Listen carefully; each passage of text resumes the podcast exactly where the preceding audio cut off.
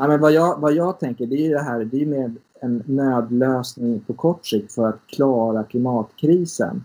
Mm. Men det är bara att jag har lite panik över det här med klimatförändringarna och Mm. försöker liksom hitta mer i alla fall systemkonforma sätt för att ta oss Mm. ur det. Och jag tror inte på liksom, den rena marknaden, att den kommer att klara det.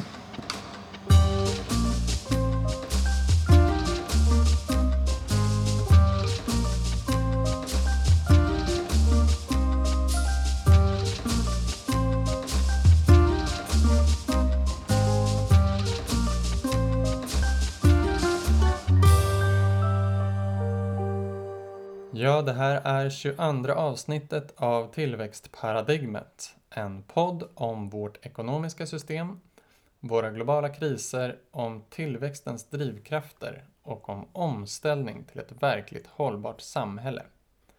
Jag heter Hannes Anagrius och podden ges ut i samarbete med nätverket Steg 3. Som jag kanske nämnde förra gången vill jag tipsa om Facebookgruppen som jag startade nyligen där alla de här frågorna kan diskuteras och där vi kan tipsa varandra om olika saker relaterat till detta. Och den heter Hållbar ekonomi för välbefinnande. Tillväxtparadigmet finns ju också på Instagram och Facebook. Och snart lanseras även en hemsida. Datum är ej klart, men håll utkik. Så tanken är att sprida de här diskussionerna och idéerna på fler sätt än via podcast. Och vill man stödja projektet kan man skänka en slant i månaden på patreon.com och sök på tillväxtparadigmet. Och vill man ge en liten engångsgåva tas det också tacksamt emot. Eh, då kan man mejla tillväxtparadigmet gmail.com i så fall. Och där kan jag också ta emot tips, feedback med mera. Och nu fortsätter vår lilla serie med lite mer ideologiska gäster. Och gäst för det här avsnittet är Rickard Varlenius. Och Rickard är humanekolog och undervisar på Göteborgs universitet. Han har skrivit och forskat på klimatomställning och han var tidigare chefredaktör på tidningen Arbetaren och sitter nu som ledamot i Stockholms kommunfullmäktige för Vänsterpartiet och är aktiv i trafik och miljöpolitiska frågor. En viktig anledning till att jag bjöd in Rickard var att han har skrivit om tillväxtdebatten. Han skrev först en artikel i Dagens ETC apropå tillväxtdiskussionen som blossade upp efter Greta Thunbergs tal eh, där hon beskrev evig tillväxt som en saga, som ni kanske minns. Rickard skrev då på lång sikt har Greta Thunberg rätt. Evig tillväxt är en saga. Men i den akuta klimatomställningen behöver vi lära oss att leva med tillväxten. Så det här kommer vi in på i samtalet. Rickard skrev sen en artikel apropå att Vänsterpartiets nya partiledare Nooshi Dadgostar hade uttalat sig positivt till grön tillväxt. Där beskrev han tre olika inriktningar för den gröna rörelsen som vi kommer prata om i det här avsnittet. Men innan vi går in på samtalet så tänkte jag ta upp lite om coronastöden i Sverige. Och I det här avsnittet kommer vi prata lite om begreppen socialism och kapitalism. Trots att få politiker kallar sig socialister så är alla partier socialister vad gäller coronastödet. Marknaden bedöms ju inte klara av den här krisen själv, så ofantliga summor har delats ut av staten. I dagsläget håller krisstöden på att närma sig hisnande 400 miljarder kronor. Nu ligger de på 389 miljarder, men ökar. Och som jämförelse kan sägas att 400 miljarder det är mer än försvaret, krisberedskap, bistånd, migrationen, integrationen, rättsväsende och universitet kostar staten tillsammans. Eller cirka fyra gånger mer än den årliga vinsten för Sveriges fyra största banker. Vad består då det här stödet av? Den allra största delen är stöd till företag. Över 180 miljarder. Där eh, den största posten är korttidspermitteringar. Det kan jämföras med stödet till enskilda medborgare, alltså smittbärarpenning, slopad karensdag, förstärkt a-kassa, utbildnings arbetsmarknadsinsatser som kostat 37 miljarder allt tillsammans. Även kommuner har fått 140 miljarder totalt, men har också fått många kostsamma uppdrag som smittspårning, testning, vaccinering och så vidare. Man kan ju se det som att eftersom staten tvingar både företagen och kommunerna att stänga ner, göra för, många förändringar och eh, därmed gå miste om intäkter så borde de kompensera företagen. Men för det första så gör ju staten, företagen och kommunerna en tjänst på lång sikt. På lång sikt så fungerar ju inte marknaden och samhället om pandemin inte hindras. För det andra är det inte bara statliga ingripanden som gör att företag och kommuner går miste om intäkter. Det är ju att folk ändrar sitt beteende. Visserligen på grund av uppmaningar från Folkhälsomyndigheten. Men förmodligen skulle ju folk göra beteendeförändringar i alla fall. Och det är ju knappast statens fel att vi har en pandemi. Men ändå så betalar staten. Så i land efter land så är det en massiv bailout av företag i likhet med bailouten av banksektorn under finanskrisen 2008 till 2009.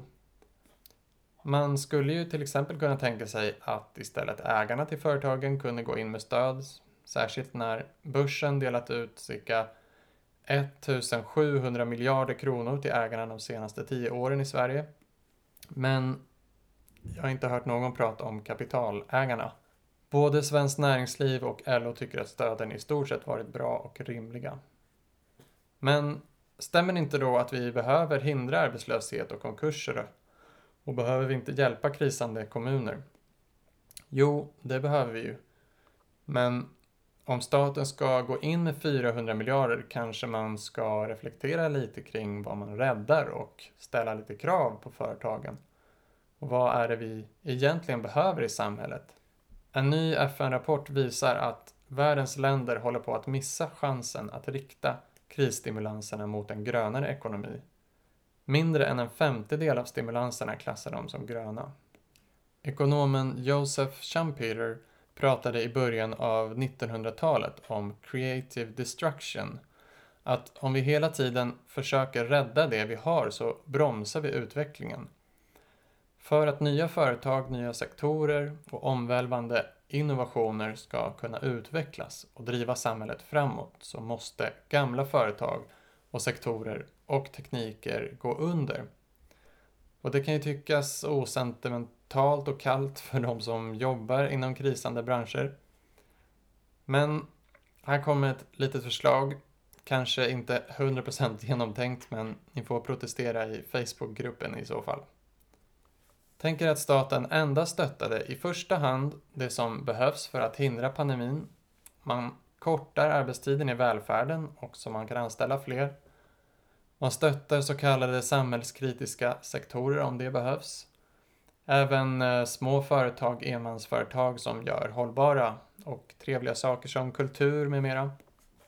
Och sen gör man stora investeringar i grön omställning i form av elektrifiering, nya elnät, förnybar energi, cirkulära materialflöden, hållbart jordbruk, kollektivtrafik, cykelbanor och så vidare. Och även i utbildning i framtidsyrken till en grön omställning. Och för de stora företag som inte bidrar till grön omställning och som ägarna själva inte vill rädda. Ja, går några företag i konkurs så kommer ju inte affärerna, fabrikerna, kontoren, arbetarna eller färdigheterna att försvinna. Utan någon kommer ju köpa upp allt det här. Det skulle till exempel kunna vara staten som tar chansen att köpa upp värdefull egendom som sen de antingen kan använda för en hållbar omställning eller sälja tillbaka när krisen lugnat sig. Det är ju de verkliga resurserna som vi ska ta vara på och rädda, inte kapitalägarna. Samtidigt skulle man kunna ge alla arbetslösa en garanterad minimiinkomst Kanske även som en form av tillfällig permitteringsstöd, fast då samma summa för alla. Alla vräkningar stoppas, CSN-lån kan pausas och då gör man inte skillnad på arbetslösa, arbetande eller studerande. Hur ska allt det här finansieras då? Ja, idag lånar staten indirekt från Riksbanken och en del kan säkert vara sådana lån, men framförallt beskatta allt som vi vill ha mindre av i samhället som utsläpp, miljöförstöring, passivt ägande, spekulation med mera. Hur man ska beskatta det, det har vi pratat om tidigare, hur man skulle kunna göra det på rättvisa sätt och så. Även slit och slängkonsumtionen såklart beskatta. Och en stor del av finansieringen kan väl komma från våra gemensamma pensionsfonder. Ja, på så vis så ökar vi investeringar och eh, även offentlig sektor, vilket skapar jobb och minskar samtidigt lyxkonsumtionen, den ohållbara konsumtionen. Men ser till att folk ändå har grundekonomin tryggad så att de inte slutar handla helt och ingen, ingen sätts på gatan. När pandemin är över har vi en hållbarare struktur på ekonomin utan att ha hamnat i recession.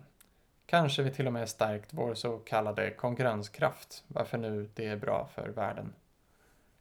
Ja, ja, eh, det var ett förslag som kanske kan eh, falla vår eh, gäst i smaken. Det har jag inte frågat, men här kommer i alla fall samtalet med Rickard.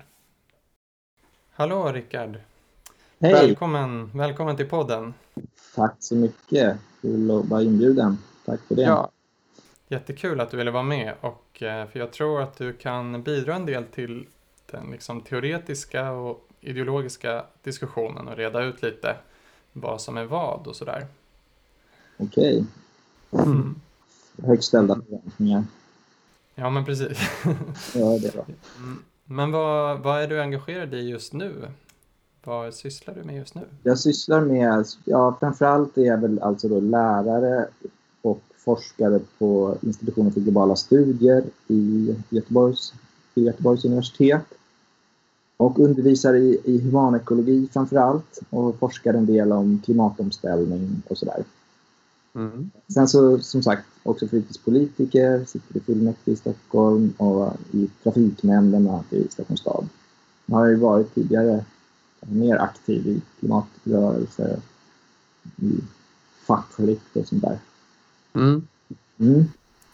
Hur kom du in i liksom, partipolitiken? Jag tänkte att du eh, som eh, humanekolog och engagerad i miljöfrågor och skrivit mycket om det. Varför kom du in just i Vänsterpartiet och eh, den vänsterrörelsen? Liksom? Ja, det var väl egentligen eh, tvärtom rent kronologiskt. Att jag började ah. som vänsteraktivist och mm. engagerad i liksom många vänsterfrågor utan att vara partiaktiv, men det är någon slags mer utomparlamentarisk rörelse kanske. Mm. Och eh, jobbade ju länge på tidningen Arbetaren och var också chefredaktör där ett tag. Och under den tiden så blev jag så mer och mer intresserad av klimatfrågan framför allt. Och det ledde så småningom till... Ja, jag slutade där och började forska i, i humanekologi vid Lunds universitet och eh, gick någonstans i den vevan också med i Vänsterpartiet. Och det var ju naturligt mm. liksom att jag hade den bakgrunden. Men jag upptäckte ju också tillsammans med andra att det fanns ju liksom en, en slags rödgrön kan man säga, tråd inom vänsterrörelsen, inom socialismen som kanske inte alltid har varit så stark och, och framträdande men som ändå har funnits där som en slags underströms mm. Sen Marx och framåt. Och jag identifierade mig med den. Mm. Och sen så tycker jag också att jag gör mer nytta i att driva miljöfrågor i Vänsterpartiet än att gå med i till exempel Miljöpartiet som alla redan liksom är miljöengagerade. Just det.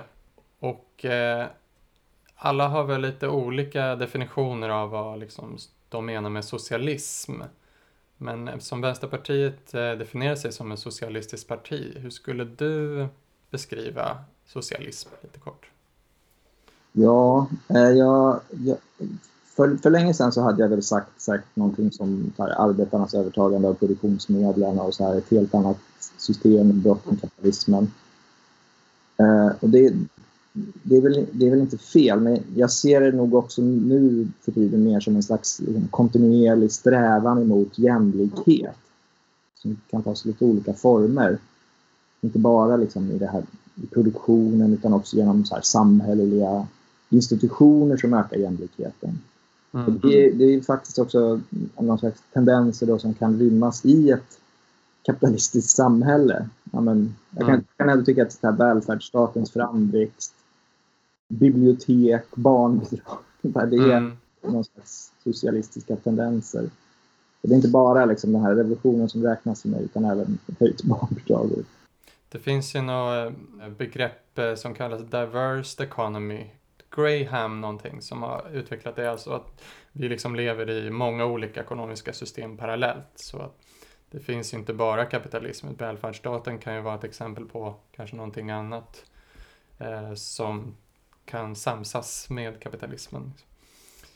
Jag skulle ändå säga att, att vi lever i ett ekonomiskt system som domineras av kapitalismen väldigt kraftigt och liksom på något sätt styrs av den kapitalistiska logiken mm. och drivkrafterna och sådär. Men det går ju helt enkelt, det går ju liksom att eh, påverka kapitalismen är inte en monolit, så att säga, utan den går att påverka. Den har sett olika ut historiskt.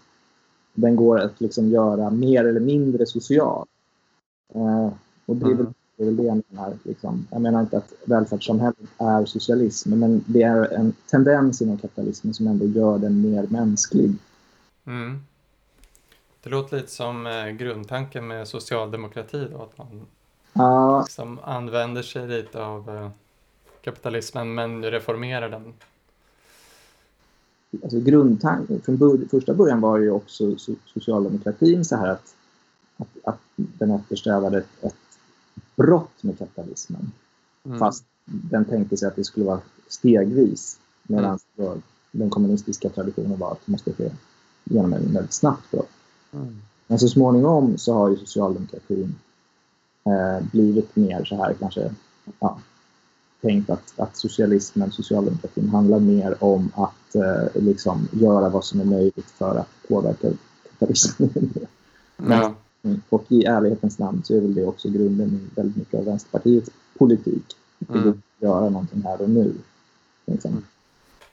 Upplever du att eh, diskussionen om tillväxt och miljö är eh, levande inom eh, Vänsterpartiet eller lite bredare inom vänsterrörelsen just nu? Ja, det har ju hänt en del. När jag började engagera mig, det är väl typ tio år sedan, så då var det ju betydligt mindre. Det var ju, stod ju inte miljöfrågorna sådär jättehögt i kurs i, i vänstern i allmänhet och i, i Vänsterpartiet, tycker jag. Det har ändå blivit bättre. Det är en etablerad och liksom erkänd fråga och alla tycker ju att det är viktigt.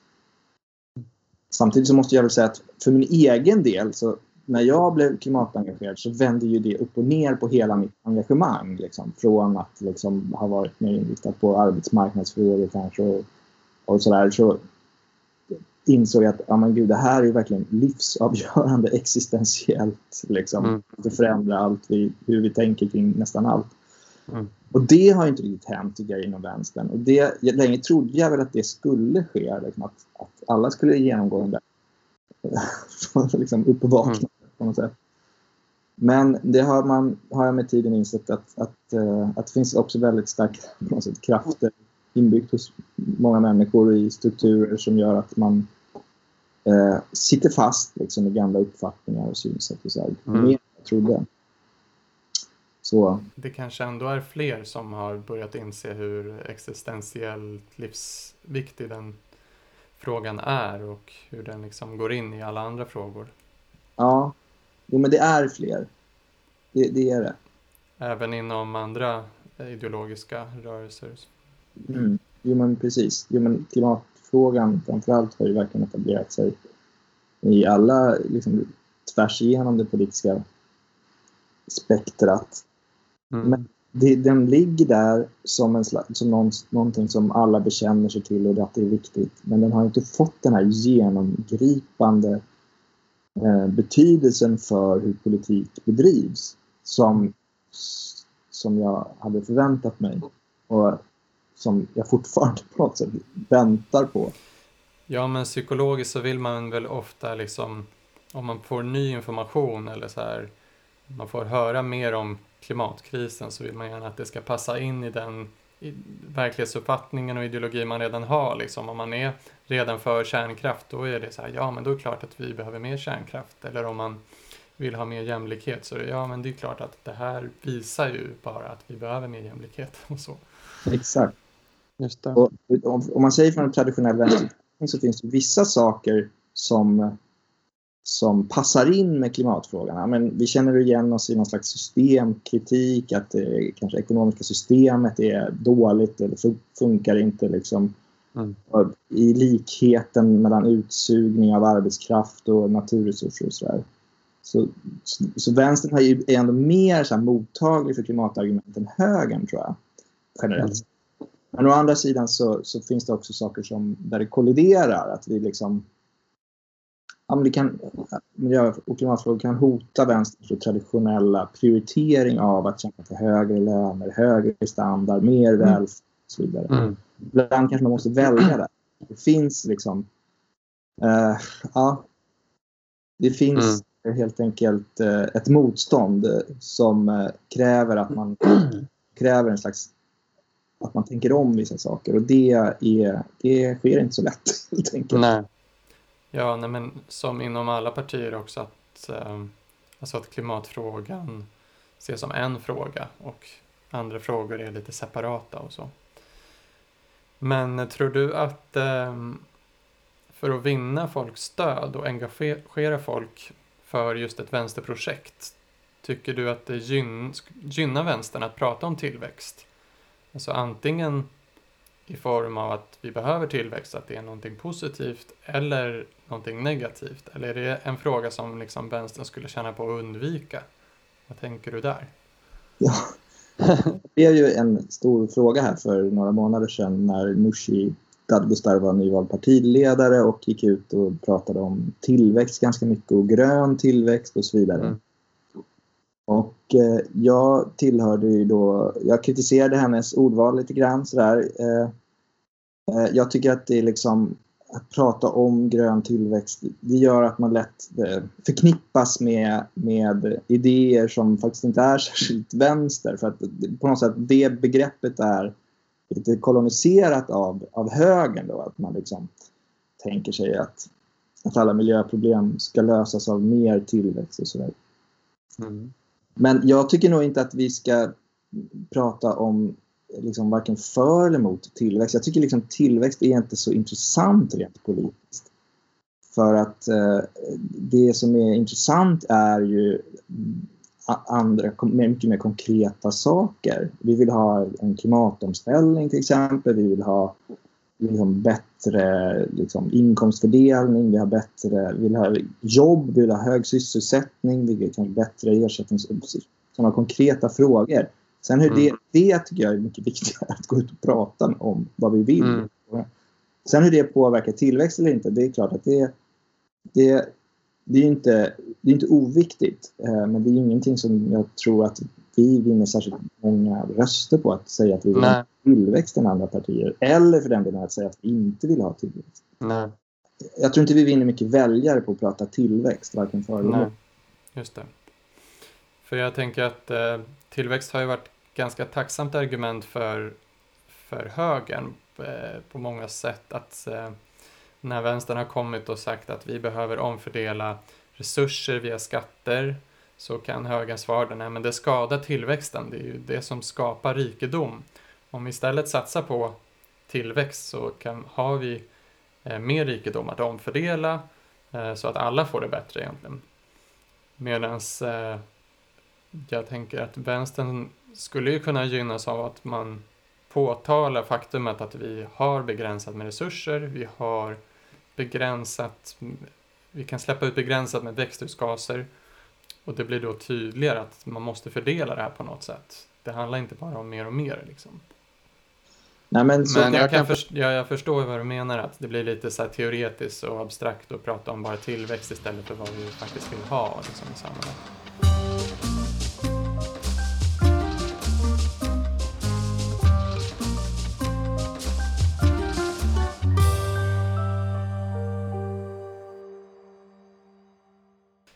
Så du var ju inne lite på det, men du skrev en artikel i Syre eh, tidningen Syre så, som hette Nya frontlinjer i miljödebatten. Där fokuserar du på eh, att det finns eh, tre olika linjer, du får rätta mig om jag eh, tolkar det fel här, eh, i eh, den miljöengagerade vänstern, när man ser det på bred skala. Inte i vänstern, det här är mer liksom okay. i... Den gröna rörelsen liksom? Ja, men precis, snarare så. Okay. Mm. Det är miljö, huvudsakliga familjer av liksom, miljöpolitiska teorier kan man säga. Just det.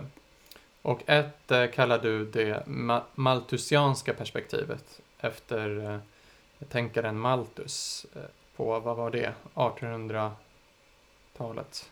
Tidigt 1800-tal, skiftet mm. 1800-tal. Som pratar om eh, begränsade resurser, att eh, jordbruksmarken eh, kommer ta slut när befolkningen växer mer och mer och så. Du kan utveckla det här sen. En annat perspektiv som står i motsättning till, till det maltusianska perspektivet benämner du då som teknikmodernismen. Det är inte som... ekomodernismen jag kallar det. Jag för mig det. Ja.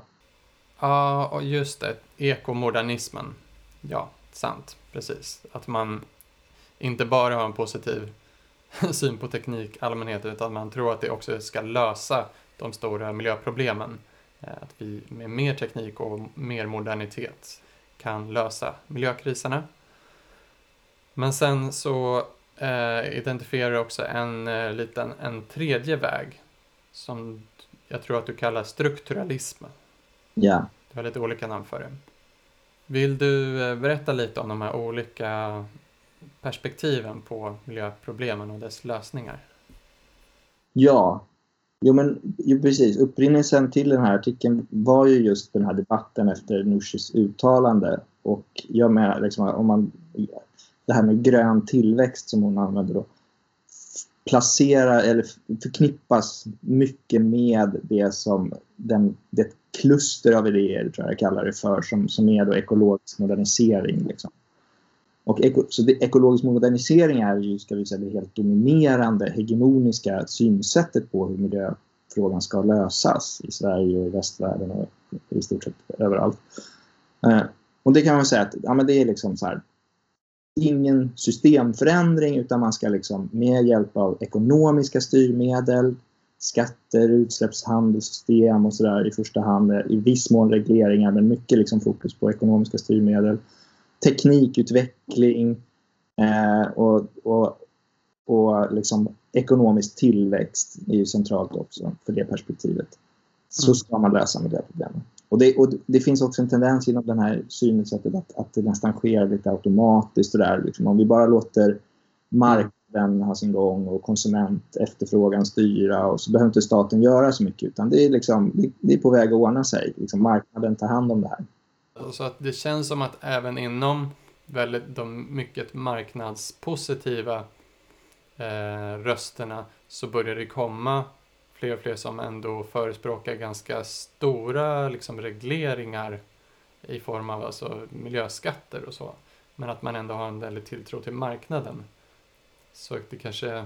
Jo, koldioxidskatten är ju domi den dominerande kan man ju säga mm. formen för politisk styrning inom det här inom mm. idéklustret.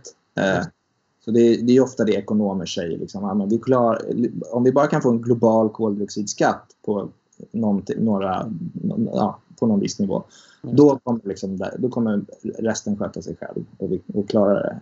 Mm. Det finns liksom ofta, det är, det är mycket så här vinna-vinna lösningar. Det finns liksom ingen konflikt egentligen mellan liksom, å ena sidan miljö och å andra sidan ekonomi och ekonomisk tillväxt. Det, ja, men det, det går smooth liksom.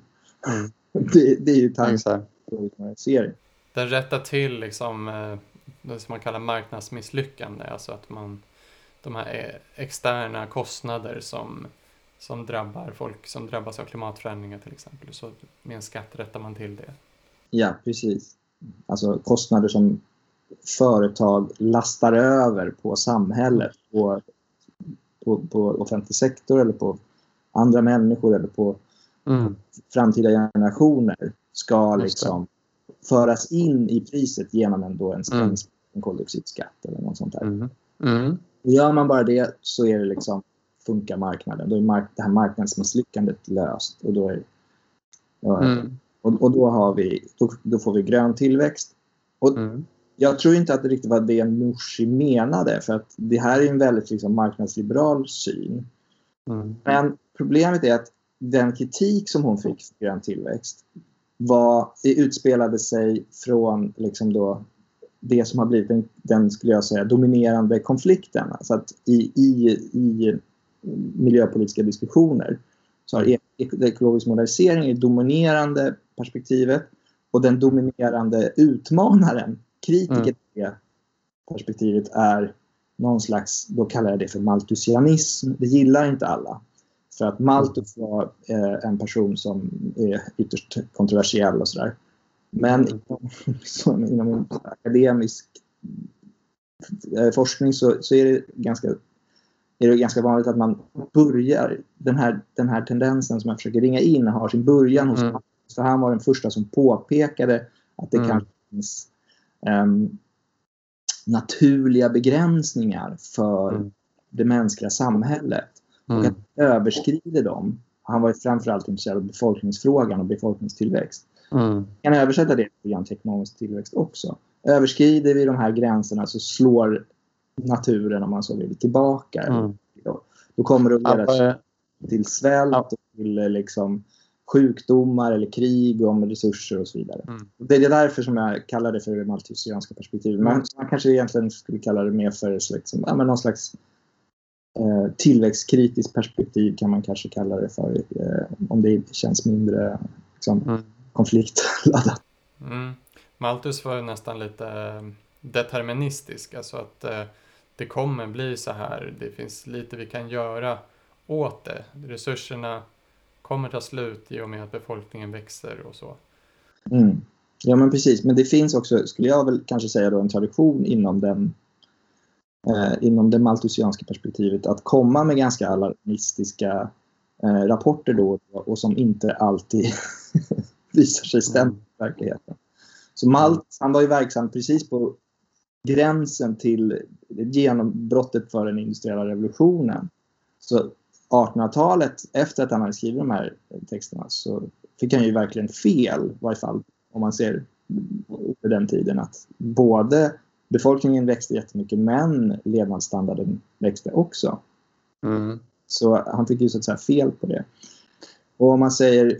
Å andra sidan så skedde ju kolonialismen parallellt där så man fick ju tillgång till väldigt mycket mer mark. Då. Ja. Mm. Kan, man kan blanda in absolut kol mm. kolonialismen, global omfördelning. Mm. Eh, och man kan också säga att det kanske liksom började ackumuleras en slags miljöskuld som inte, blev, som inte blev synlig under 1800-talet men som mm. den här ekonomiska och tillväxten och utvecklingen så att säga, på sikt genererade en slags ekologisk skuld som mm. då blev synlig. Men det vanliga, eller liksom standardekonomer, ekomodernister i alla fall, skulle jag absolut tycka att, att mm. Malthus fick fel. Mm. Och eh, eh befolkningsfrågan har ju återkommit så att säga när, under, när den moderna miljörörelsen växte fram under 60-talet så var det lite samma sak där. Det kom väldigt så här, alarmistiska katastrofrapporter om mm. befolkningstillväxten och sådär. Och som åtminstone i det korta perspektivet fick lite fel. Därför att då stod världen på gränsen till en grön revolution som innebar att man kunde odla mat mer effektivt genom mm. industriella metoder och så vidare. Så vilket ju verkligen skapade en miljöskuld kan man ju säga. Absolut. Absolut. Matjordarna minskar och så vidare. Ja. Vad jag menar med det, det är liksom att, att man betonar att det finns gränser för vad vi kan göra och att vi måste liksom förhålla oss till dem. Medan modernismen lite grann bortser från men de här gränserna och tror att, att vi kan ja, att ekonomin rullar på bra och att vi samtidigt med ekonomisk tillväxt kommer att liksom Eh, lösa de här resursproblemen mm. genom att byta ut. Om, någon, om det börjar bli ont om vissa råvaror så kan vi ja, använda andra istället och så vidare. Mm. Och det var ju den typen av kritik då som, om jag säger Nooshis Dadgostars uttalande fick kritik från, om man ser första hand då, liksom att ja, men, vi kan inte ha tillväxt, det kommer leda till kris och katastrof. Eh, för det är så vi är vana att tänka kring den här konflikten. Mm. Men jag menade då, och försökte hävda i den här artikeln, att det finns också en slags annan eh, kritik emot ekologisk modernisering. Eh, och som är ett annat kluster av idéer som är liksom mer då strukturalistiska. Man diskuterar den termen också, men det är ju liksom, liksom heterodox ekonomi kan man väl säga. Det är liksom, många av de teorierna har ju sitt ursprung i marxismen eller i ja, jag skulle räkna dit också kanske keynesianism och liksom en mm. del um, ja, institutionalism. Ofta räknas ju även feminism in i strukturalismen och sådär. Mm. Betonar liksom strukturers betydelse för samhällsutvecklingen mer än individers eller idéers eller sådär. Mm. Eh, och där finns en kritik emot eh, den ekologiska moderniseringen som inte är så känd eller inte så kanske utvecklad men som, som ändå finns där och som snarare kritiserar den för att nej, marknaden kommer inte att lösa det här spontant. Eh, utan det kommer att krävas liksom mycket mer kraftfulla åtgärder som snarare inskränker marknadens makt. Mm. Eller rent av då ersätter det med någon slags socialistiskt system. Men det finns väl både reformistiska och mer liksom revolutionära varianter mm. också. Mm. Men, men i alla fall så liksom en misstro mot att, att marknaden bara med lite ekonomiska styrmedel kommer att kunna lösa klimatkrisen. Eh, och, eh, och, utan att det krävs liksom investeringar, statliga regleringar, utfasning av fossila bränslen, eh, styrning av ekonomin och så vidare. Så en återkomst egentligen av, av en slags starkare välfärdsstat, typ så mm. som vi kände den från 50, 60, 70-talet. Och man kan säga att indirekt blir det också ett, en kritik av det maltusianska perspektivet därför att visst, även om inte kanske en strukturalist betonar att det här är för ekonomisk tillväxt så är det väl sannolikt att det skulle göra det, alltså stora investeringar. En viktig del av den här, det här perspektivet som jag far efter det är ju den här diskussionen främst i USA kring en Green New Deal. Mm. Uh, och, där, och, den, och de som... Som ju spritt sig till andra länder. Vad sa du? Som ju spritt sig till andra länder. Ja. Inspirerat eh, EUs New Deal till exempel. Eller ja. Green Deal vad de kallar den. Ja, det kallas Green Deal och EU och är, den har ju faktiskt vissa EUs klimatomställning som den formuleras i Green Deal har ju vissa likheter med Green New Deal men skulle jag kanske ändå mer beteckna som en del av en ekologisk modernisering. Mm. Eh, men det finns vissa så här, man har infört just transition mekanism som ska hjälpa liksom, arbetare i omställning. Just det. Men Green New Deal så som den diskuteras i USA och så som kanske den här ganska berömda motionen eller förslaget till USAs kongress då, som eh, Ocasio-Cortez och Ed Markey har lagt så är den mer omvälvande, den är mer radikal. Mm. Liksom. Mm. Men skulle du... Ehm, för mig tänker jag lite att eh, den här strukturalismen syn på hur vi ska lösa miljökriserna ändå delar eh, synen på teknik och modernitet och tillväxt på sätt och vis med ekomodernismen. Så att det blir lite, för mig blir det lite en underkategori, eller att det blir två olika underkategorier som liksom medan den ena tror mer på marknadslösningar tror den andra mer på statliga investeringar och, och kanske omfördelning. Men att man ändå har en väldigt positiv syn på att tekniken, vi behöver använda oss av tekniken och det är främst det som ska lösa det snarare än att vi ska minska på konsumtionen eller minska på vissa aktiviteter i ekonomin. Exakt. Ja. ja precis. Så maltusianismen då, den är ju för att minska, begränsa liksom, kontraktion. Och mm. den är ju, kan man väl säga, ganska antimodernistisk eh, i, i grunden. Och om man liksom, ja, medan både strukturalismen och, eko, och, och, och liksom en mer liberal, liksom, om man säger ekologisk modernisering är egentligen i grund och botten en slags liberalism. Eh, och både, både liksom liberalism och socialism är ju produkter av modernismen. Förstått som liksom, ja, men det här upplysningsprojektet. Mm. Tron på framsteg genom att tillämpa vetenskapliga metoder mm. Och förnuftstänkande och sånt där. Medans, eh, så båda de är ju det. Medan det jag kallade maltusianismen är ju mer mot hela det tankesättet. Tror inte mm. på, på framsteg, eh, förnuft mm. och vetenskap.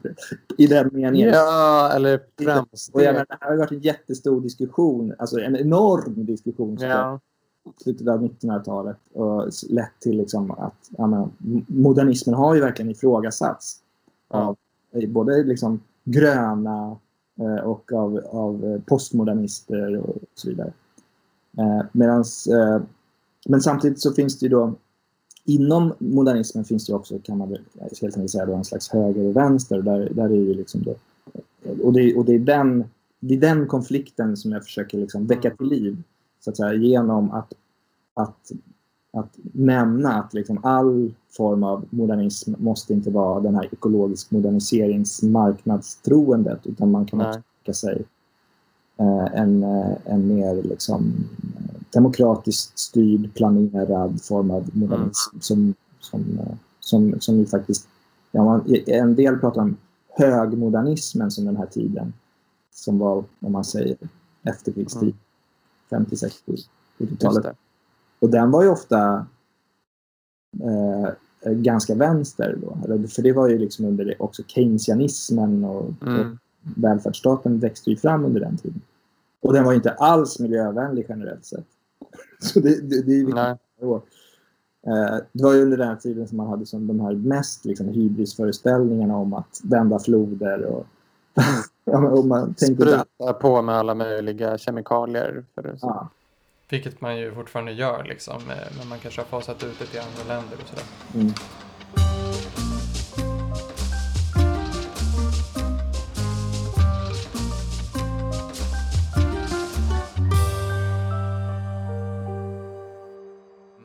Men jag tycker att det blir lite så ironiskt för att många kanske har föreställningen att man kopplar ihop mycket av eller dels miljörörelsen och den liksom, gröna rörelsen men också vänstern med någon slags maltusianskt perspektiv. Att man säger, nej men de, i alla fall, det kan ju vara att eh, folk som är höger vill tillskriva också eh, personer någon viss, eh, vissa synpunkter men att man säger att ja, men ni är emot tillväxt eh, och eh, men att i realiteten tycker jag att i den politiska diskussionen i partiledardebatter och allt då faller nästan alla enligt vad jag, hur jag ser det inom någon slags ekomodernism.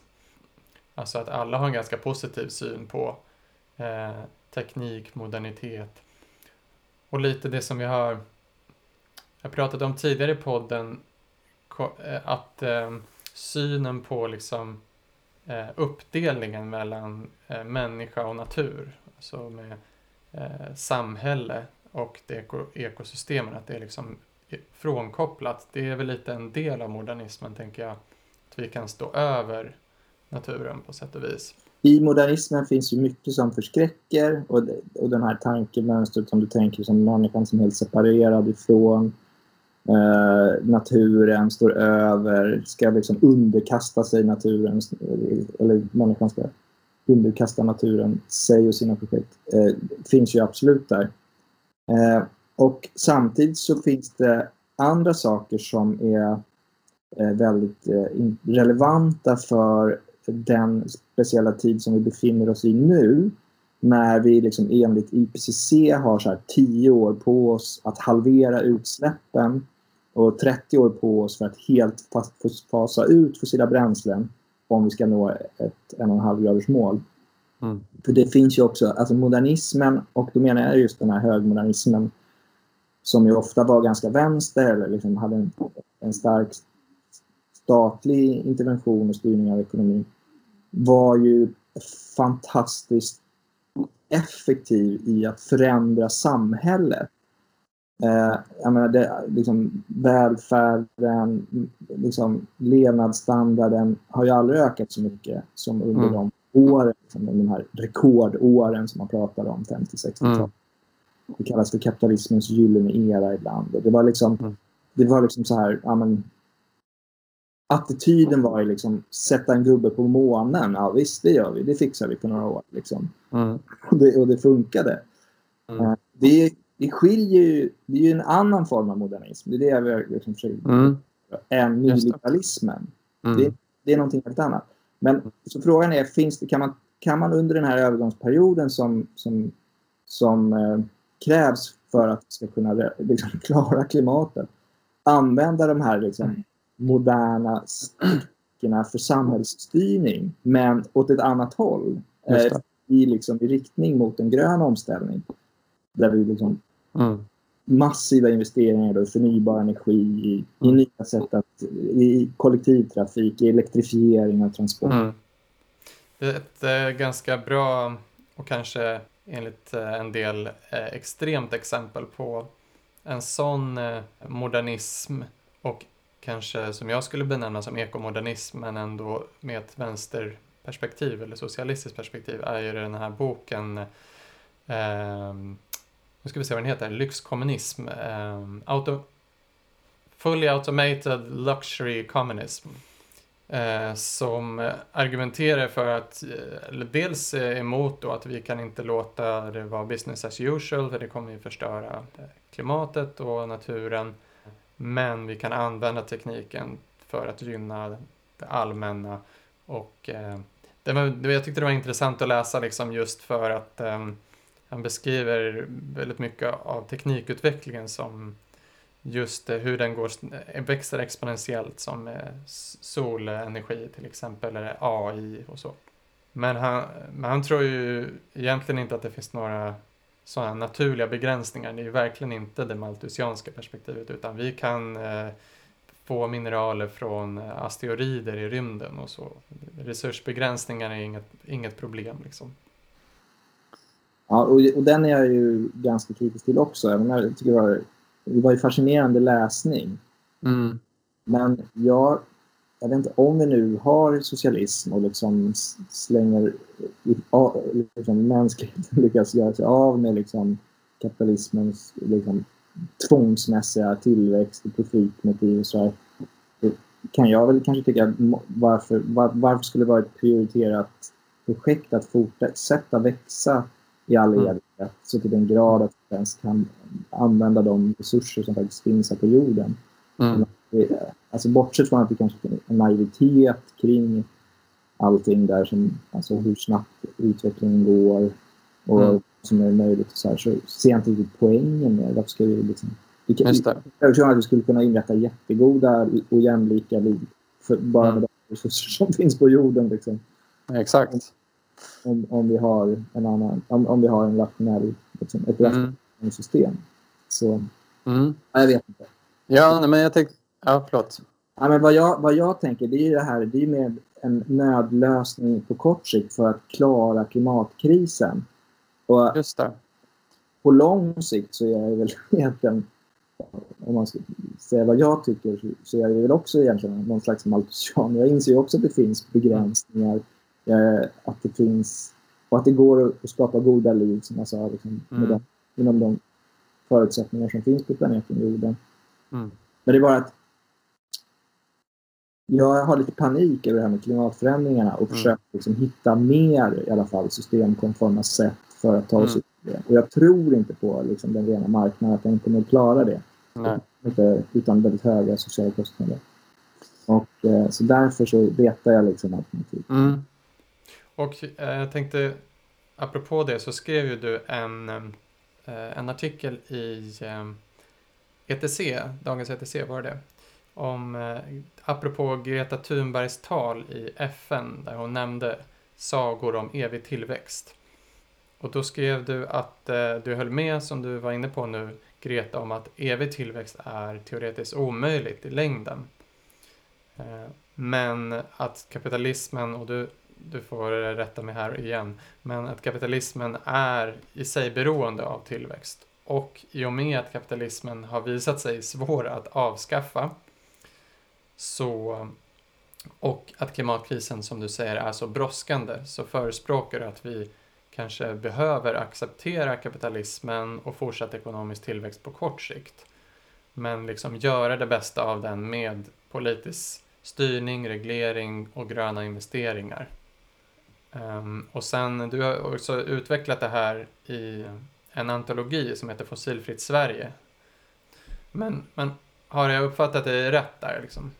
Ja, men i stort sett. Det, det, det, tycker jag. Man kan väl säga att när, om man gör som Bastiani och blandar in liksom, eh, hela universum så, så, kanske man kan säga att evig tillväxt inte är omöjligt. Eller i alla fall så förskjuts perspektiven väldigt långt bak. Om vi ska liksom upprätthålla vår tillväxt med hjälp av eh, hela universums energi och naturresurser så mm. kanske inte finns den motsättningen. Men, men då, då hamnar vi återigen i frågan om vill vi det och varför? Liksom. Mm. Sådär. Men, men, eh, men i princip... Ja, över rymden. Att det Vem finns, det? Kapitalismen, så länge vi håller oss till liksom, eh, planeten Tellus, är ju, kan inte expandera för, för alltid.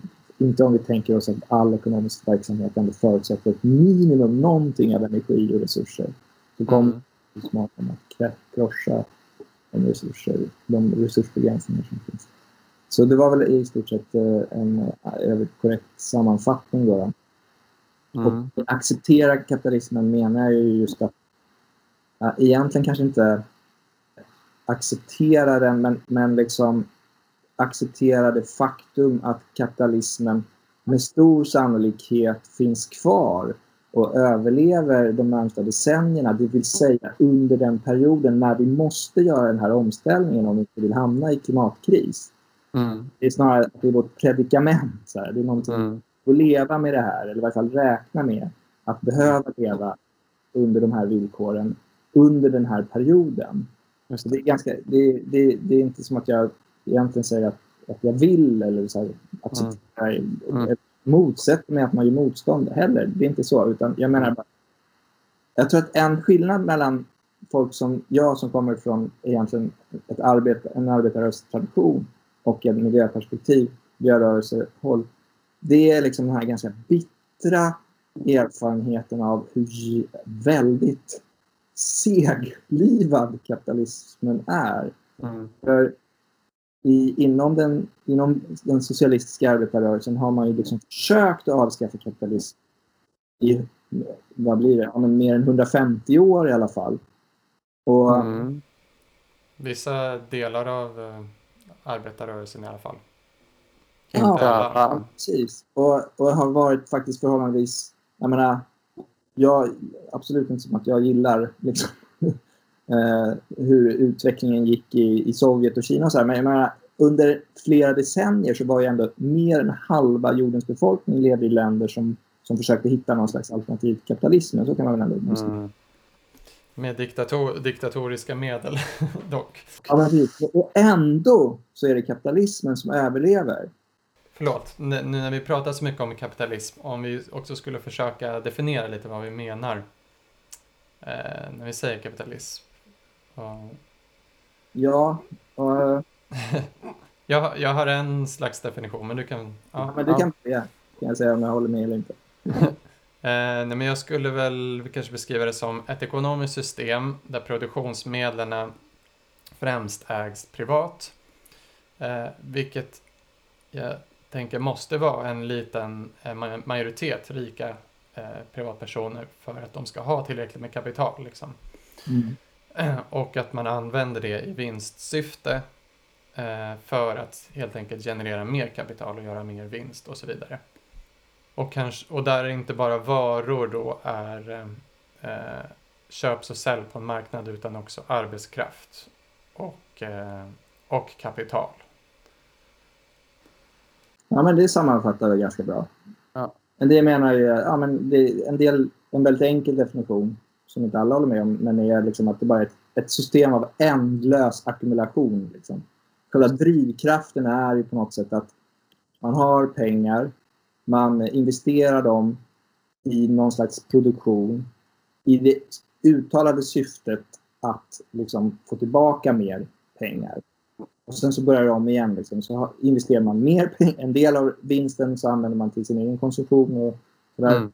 Men, men själva drivkraften är att i nästa, så att säga, eh, i nästa fas så, så har man mer peng, ännu mer pengar att investera mm. i någon slags produktiv verksamhet i syftet att få tillbaka ytterligare ännu mer. Och Exakt. så runt sådär. Liksom. Det finns någon enkel bild att eh, i liksom ett marknadsekonomi så har man först eh, eh, en vara som man byter mot pengar och så köper man en annan vara. Så det är liksom utbyte, men i kapitalism har man först pengar som man investerar i att producera varor och så får man ännu mer pengar. Liksom. Exakt. Det är vad Marx kallar då för kapitalismens allmänna formel. Pengar vara pengar prim. Just det.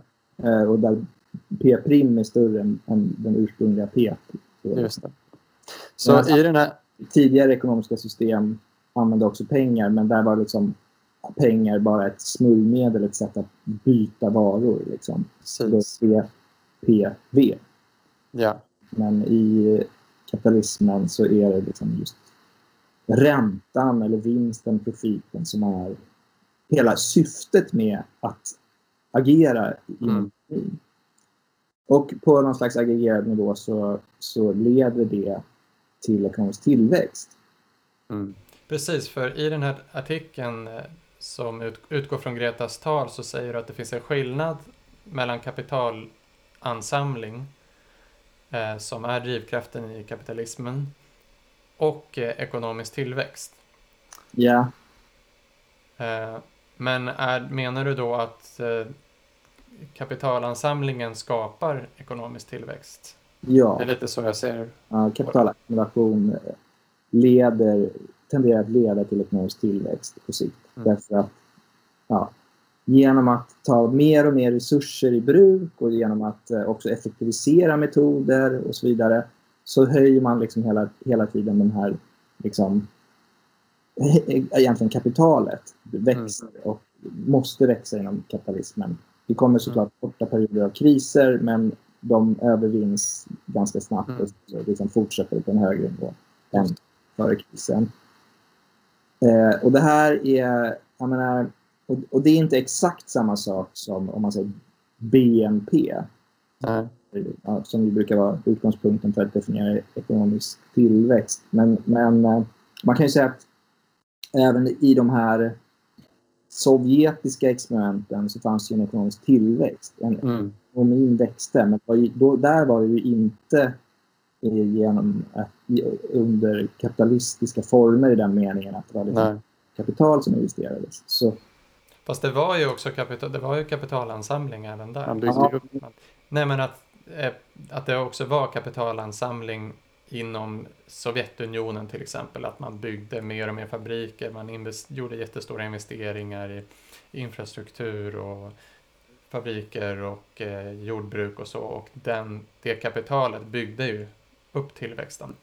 Absolut. Mm. Jo men absolut.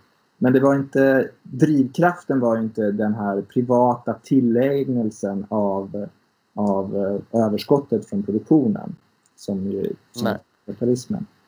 Eh, men det, det, var ju en liknande ekonomisk tillväxt, fast det var mer under statliga former. Just. Eh, så... Man har sagt så här, att man kan tänka sig att, att liksom en planerad ekonomi kan efterhärma de här dåliga sidorna hos kapitalismen. Mm. Men, men kan åtminstone i teorin också prioritera andra saker som att inte ha tillväxt utan att mm. en stabil ekonomi. Men kapitalismen, under, kapitalismen kan liksom aldrig göra sig av med den där driften. För att det är själva kärnan i systemet. Mm. Och i den här podden vill väl jag lite att man också kommer ifrån den liksom dikotomin som man kanske ofta hamnar i att så här, antingen ska vi ha fortsatt ohämmad kapitalism eller det ekonomiska systemet som vi har eller så ska man ha liksom planekonomi och centralisering. Mm. Jag tänker att det finns ju många andra typer av eh, designer man ska kunna ha på Eh, det ekonomiska systemet. Och ehm, jag menar, eh, man kan ju skilja på marknader och kapitalist till exempel. Marknader kan ju vara bra i många fall för varuutbyten eh, men de kan också ske på andra sätt än kapitalism. Och, ehm, ja, och man kan argumentera för att kapitalism också behövs eh, som drivkraft liksom, i samhället. Men eh, det kan ju också finnas en mängd andra typer av drivkrafter. Mm. Men förstår jag det rätt i texten som att eh, om vi inte hade haft kapitalism så kanske vi, då fanns, hade det inte funnits någon riktig anledning till varför vi skulle sträva efter just ekonomisk tillväxt. Alltså vi hade kunnat ha ekonomisk tillväxt eller vi hade inte kunnat ha det, liksom, men det är inte det vi ska sträva efter. Mm. Men eftersom vi lever i en mestadels kapitalistisk ekonomi så kommer vi liksom behöva acceptera att vi har tillväxt ett tag till när vi ska lösa klimatkrisen. Är det så du menar? Ja, jag, jag menar ungefär så. Jag menar att eh, när, när kanske du och andra pratar om att vi ska avskaffa tillväxten så säger ni inte, om jag får inkludera dig i det här, du får säga, så säger inte ni ja, vi vill ha en revolution som avskaffar det kapitalistiska systemet. Mm.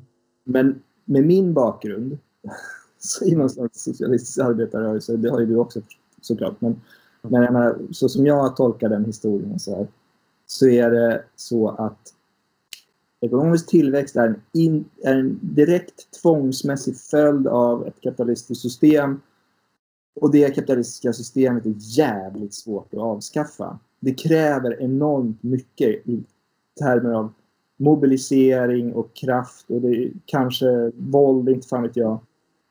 Det är inte så himla lätt och vi kan inte räkna med, vi kan inte sätta som, vi kan inte ha som slags utgångspunkt för att det ska vara eh, eh, eh, hur ska jag formulera? Nej men alltså, finns det lättare sätt mm. att klara klimatkrisen än mm. den här, det här jättesvåra sättet Just. så måste vi åtminstone titta på de äh, sätten, säger jag. Så mm. det, och, det är det, och, och, så går jag vidare till att försöka se så här, ja, men, är det verkligen omöjligt? För det, det är en annan sak som ju då, till exempel den nedväxt, degrowth-rörelsen ofta säger så här, att det är omöjligt att klara klimatmålen med fortsatt ekonomisk tillväxt.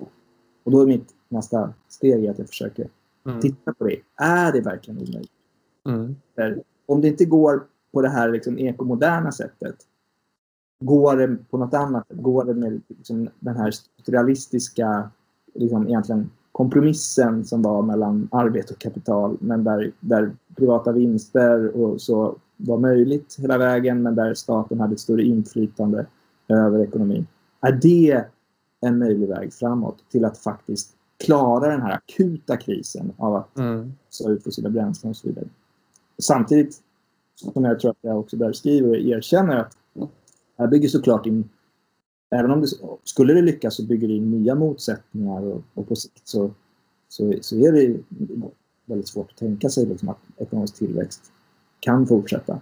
Man skulle mm. nya begränsningar men vi kanske skulle klara oss över den här akuta klimatkrisen i alla fall.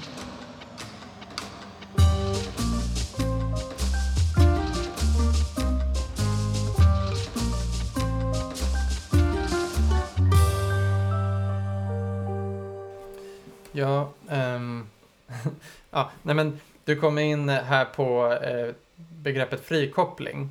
Ja. Yeah. Och eh, som jag förstår argumenterar för att det är det viktigaste.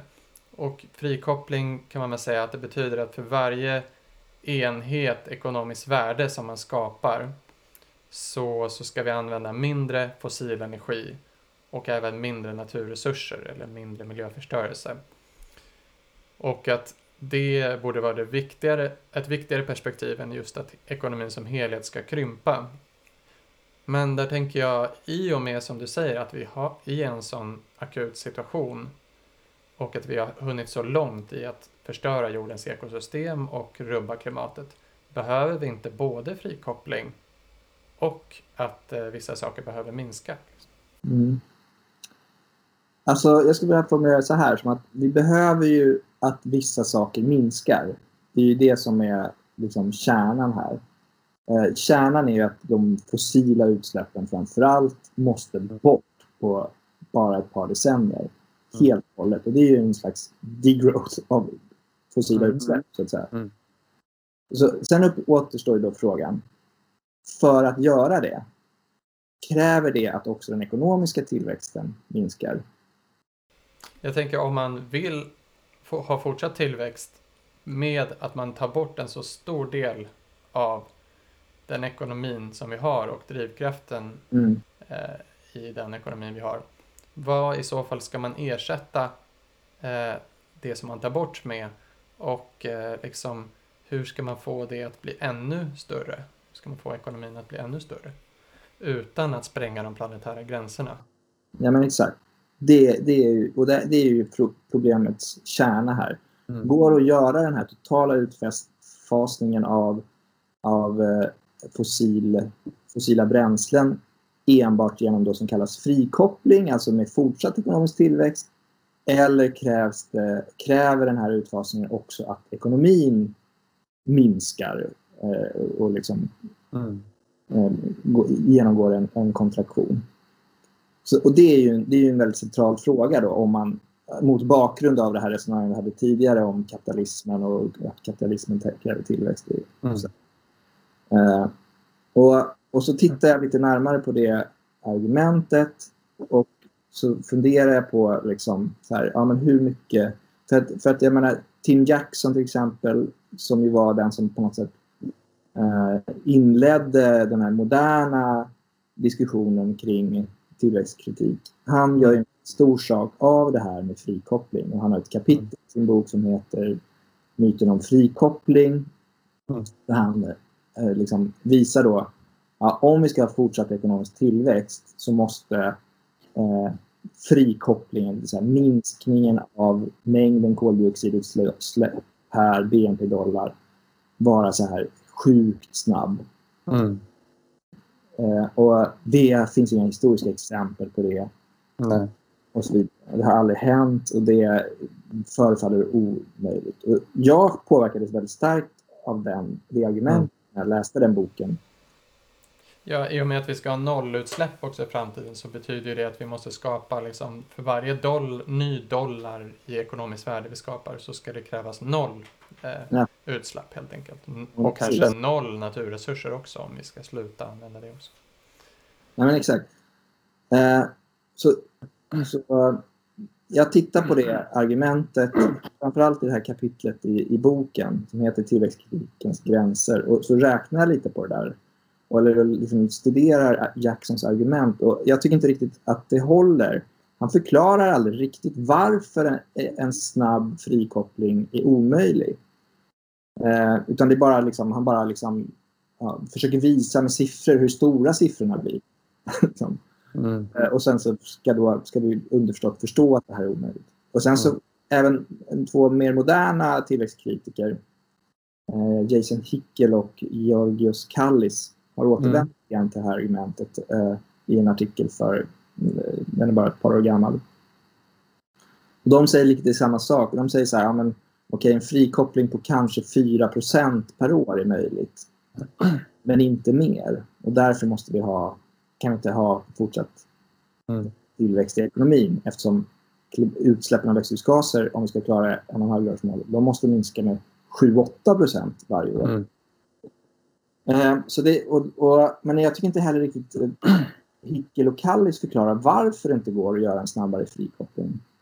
Och vad de heller inte säger, och det här är, tycker jag då är ganska viktigt, det är ju att de säger inte heller hur mycket ekonomin ska minska och vad som är en realistisk minskning av ekonomin. Mm. Eh, för jag menar, hur, hur långt... Alternativet till frikoppling det är ju att bara minska ekonomin som den är. Och, och det, det funkar ju. Det, det, fattar ju vem som helst liksom att om vi säger att vi ska halvera utsläppen på tio år så vill ju ingen gärna att vi ska halvera världsekonomin och minska utsläppen den vägen på tio år. Och vi ska ha noll utsläpp 2050 så menar inte eh, någon att vi ska ha en nollekonomi. Mm. Alltså det är väl ingen som säger att det är den Eh, den enda strategin vi ska göra, att vi ska liksom ha recession. Det är ju inte det tillväxtkritiker menar heller. Så. Ja, precis. Så därför måste, förutsätter ju tillväxtkritikerna också att det sker en frikoppling. Precis. Eh, I den meningen att, att ekonomin blir mer och mer eh, liksom kolsnål, kan man kalla det. Mm. Men de talar liksom inte riktigt om eh, förutsättningarna där. Så om vi säger så här, ja, men en utsläppsminskning på 7% per år. Det här blir liksom back of the envelope, enkel räkning bara. Mm. Okej, okay, 7 utsläppsminskning. Om vi då har 2% tillväxt så innebär det en frikopplingsgrad på typ 9 mm. I steady state så är det fortfarande en frikoppling på 7% Steady state, alltså att ekonomin varken växer eller minskar. Ja, exakt. Och då är frågan varför är 7% möjligt men 9% omöjligt? Eller om ja. man degrowth med 2% då är det fortfarande så här typ 5% frikoppling. Och det är mm. enligt eh, Hickel och Kallis är inte ja. det möjligt. Det är max. Alltså, man kan ju vända på det också. Så här, vem är det som har bevisat att, eh, att vi skulle kunna ha en frikoppling på 9 Alltså, det är väl de, det är de, som, liksom för, de som förespråkar tillväxt som kanske behöver svara på den frågan. Alltså det är väl ganska, jag tänker att det, är väl, det borde väl vara ganska logiskt att, just, att det är lättare att frikoppla med 5% än frikoppla 9 mm. Ja, men jag återkommer till det. Yes. men, men, problemet med det du säger att, att det finns inga historiska förebilder. Det, det, det gör det ju inte när det gäller utsläpp, minskning av utsläpp av växthusgaser heller. Så jag menar, då kan vi bara säga att ja, det går inte. Nej. Ingen har riktigt försökt, tycker jag, att minska utsläppen ner till noll. Ingen har riktigt försökt att frikoppla. Precis, alltså vad gäller eh, utsläppsminskningar så har vi ju lyckats liksom frikoppla lokalt. Men mm. mycket av det är ju att utsläppen har flyttat någon annanstans eh, eftersom den materiella produktionen har flyttat till andra länder. Men vad gäller liksom frikoppling med materialanvändning och exploatering av naturresurser så har vi ju inte haft någon global frikoppling. Snarare har vi ökat, alltså att användningen av naturresurser har ökat nästan snabbare än ekonomin växer. Så det är en liksom recoupling snarare än dekoppling. Så är det. Och det är på sikt eh, oroväckande självfallet. Mm. Eh, men, och, och, och, jag vill inte absolut inte förneka det eller att det, säga att det inte är problematiskt men, men det har inte så jättestor relevans just för klimatet. Så om jag bara fortsätter prata om klimatet. Okej. Okay. är inte den enda krisen dock, men ja. Så, så, säg, så om man säger då att om man går på Hickel och Kallis det här att max 4% frikoppling är möjligt per år Mm. Och vi har, behöver 7% utsläppsminskning så behöver vi då cirkus 3% BNP-minskning per år för att få ihop den e ekvationen, eller hur? Ja. Och det är alltså en sjukt djup ekonomisk kris. 3 mm. per år, det är väl ungefär som 2020. Alltså coronakrisåret, mm. pandemin.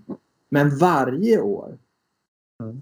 i decennier fram till 2050 så det, det de säger men att vi, precis. Att ja, men att, 2050 ja, så ska världsekonomin vara eh, ungefär 40 procent av dagens ekonomi. Mm. Eh, så det är liksom den logiska följden av deras resonemang som de inte riktigt säger. Nej, men, men, det är väl just där, det är väl liksom en början till en, en, en annan diskussion, tänker jag. Att så här, okej, okay, om det nu är det den ekologiska krisen kräver av oss, att ekonomin mm. behöver minska. Mm. Hur gör vi det då för att människor inte ska drabbas? Som de nu gör när det blir recession.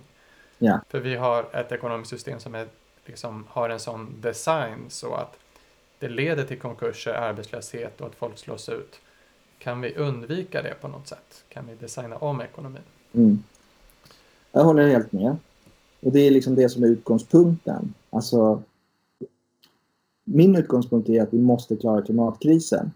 Och om det bara kan göras genom också liksom minska tillväxten och degrowth, ja, då får vi väl liksom mobilisera en, eh, en armé för att störta kapitalismen och, och genomföra det. Det är liksom det enda alternativet. Men vad jag försöker titta på här är ju ja, men kanske att det går med hjälp av då andra metoder att, att klara det här att, att ha en fortsatt tillväxt.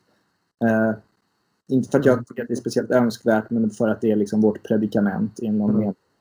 Och ändå mm. klara den här eh, frikopplingen. Och då tycker jag och, jag, och ingen kan säga säkert som du säger, det finns inga riktigt historiska förebilder för det. Ingen mm. kan säga det säkert. Men jag tycker ändå att det finns eh, en del hoppfulla signaler om att det skulle kunna vara möjligt. Det finns exempel på väldigt snabba omställningar historiskt. Och de har nästan alltid skett under, liksom, om man säger, keynesianska förhållanden. Mm. Har, i, I en annan historisk tid där ekonomin fungerade på ett annat sätt än under liksom, nyliberalismen. Då, ett sådant exempel är liksom Sveriges energiomställning, om man säger 70-80-talen. När, eh, när utsläppen... Det var ju mycket till följd av investeringar i kärnkraft, men faktiskt inte bara i kärnkraft. Mm. Så massa andra saker. Man byggde ut fjärrvärmen, mm. man, man isolerade, man hade en blandning av regleringar men också energiskatter infördes och sådär. Mm. De, här, de mest intensiva åren så hade faktiskt Sverige en frikoppling på ungefär 7 per år. Och vattenkraft också. Mm. Ja. Ja, nej, visst. Absolut. det finns sådana exempel. Mm. Och det här är liksom ett sätt att försöka på något sätt hitta en enklare och jag kanske förstår. mer realistisk väg till att åtminstone klara klimatkrisen än vad jag menar att nedväxtalternativet är. Ja, nej, men jag håller med i att det kan finnas eh, alltså att man verkligen ska satsa på frikoppling och de, den enklaste frikopplingen först. Liksom. Det finns ju mycket så här lågt hängande frukter som man verkligen också kan enas om.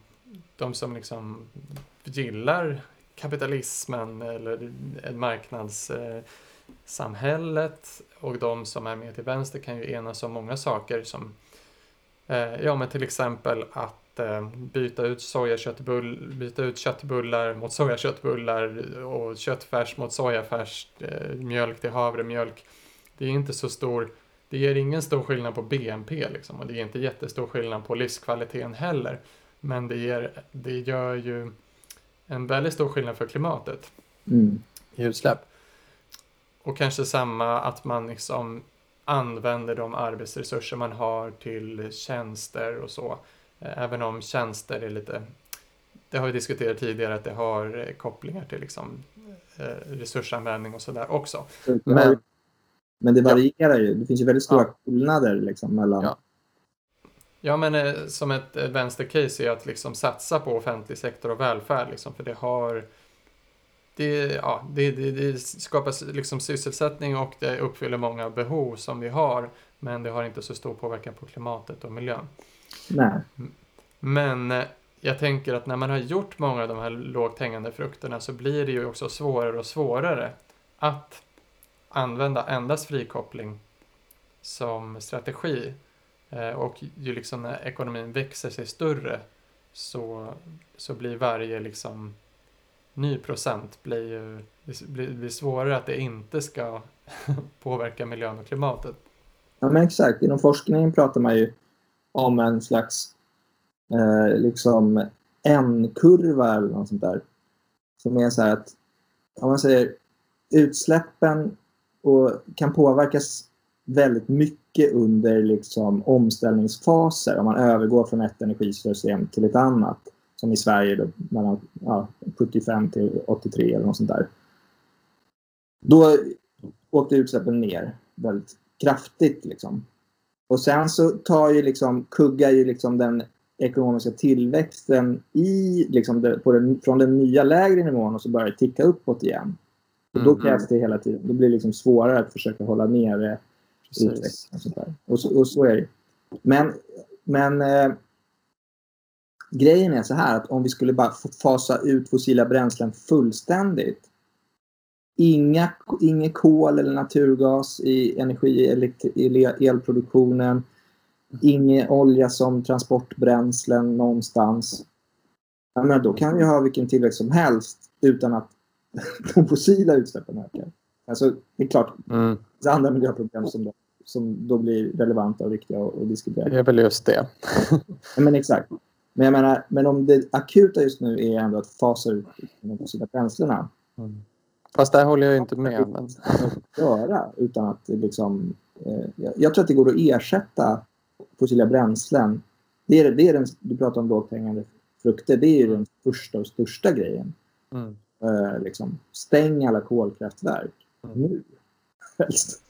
Precis, men jag skulle nog säga att eh, det finns många andra miljökriser som är minst lika akuta. Mm, som artdöden och så. Men eh, ja, alltså jag, jag tycker att du har många bra poänger liksom. Men jag är nog av en lite annan uppfattning. Eh, alltså det här med antingen eller avskaffa kapitalismen, jag tänker inte att det är så liksom så svartvitt heller, att man kanske kan ju begränsa den typen av ekonomiskt system eh, utan att liksom över en natt avskaffa det och gynna såna, de delar av ekonomin och eh, försöka designa andra delar av ekonomin åt det håll man vill ha. Liksom. Mm. Jo, uh, men jag håller med om att det finns möjligt. Kapitalismen går att förändra. Men du måste då också vara medveten om att det inte är, en, det är inte i första hand en designfråga, säger jag med mitt perspektiv. Utan det är en kampfråga. Absolut. Du måste sätta otrolig social mobilisering bakom varje försök mm. att rubba det här systemet. Och, och det gäller även mitt förslag såklart. Alltså ja. inte här kommer att ske men att det är liksom en stor social kamp. Liksom. Och där tänker jag kanske sikta mot stjärnorna så hamnar man någonstans emellan. Liksom. Nej men jag tänker att det behövs ju mobilisering och det är liksom det här är inte någon det, kanske i, i den här podden så, så känns det lite så um, som en designfråga. Det är mycket så teori och så. Men, eh, men jag tror ju verkligen att eh, eller det, det, det, jag tror att det är bra att ha en, en tydligare bild av vart man vill nå. Men sen behöver man ju otroligt många människor som driver den här förändringen. Liksom. Men jag brukar gilla att citera en gammal, för övrigt tillväxtkritiker, André Gork. Ja. Skrev om det här redan på 70-talet. Eh, och någon slags ekomarxist kan man väl kanske säga att han var, i perioder i alla fall. Eh, som, som, som, skilde, som menar att liksom, som pratade om eh, reformistiska och icke-reformistiska reformer. Mm. Eh, som att man ska sätta... Att reformistiska reformer, det handlar om att man utformar reformer som så här, för att de ska vara systemkonforma. De ska gå att genomföra inom ramen för liksom, någon slags kapitalistiskt system. Just. Eh, icke-reformistiska reformer, de handlar om att ställa krav på det som är viktigt och nödvändigt. Mm. Och om det sen medför, alltså att, att driva igenom de reformerna sen medför att, att eh, systemet håller eller mm. att liksom leder fram till en, en, en, att det krackelerar och ersätts av ett annat system, är liksom sekundärt. Mm. Vi befinner oss verkligen i en sån situation. Prio måste vara på att lösa i första hand liksom klimatförändringen och minska utsläppen. Men också som du liksom återkommer hela tiden och som jag såklart håller med om att det finns en massa andra miljökriser också som är nästan i alla fall lika akuta. Mm. Det är prio. Det måste lösas. Och vi ska, för att göra det så måste vi driva de här kraven.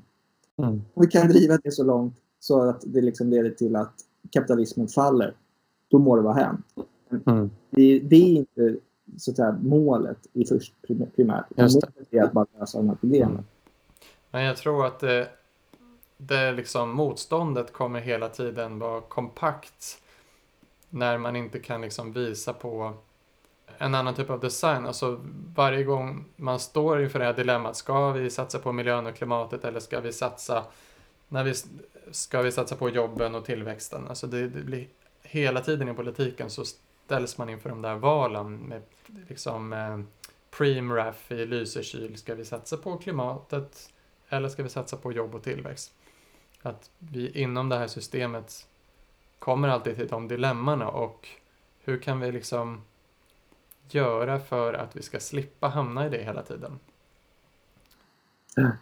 Nej, men jag tror att, att det, min bedömning det är ju att den mest framkomliga vägen är någonting som jag försöker skissa på.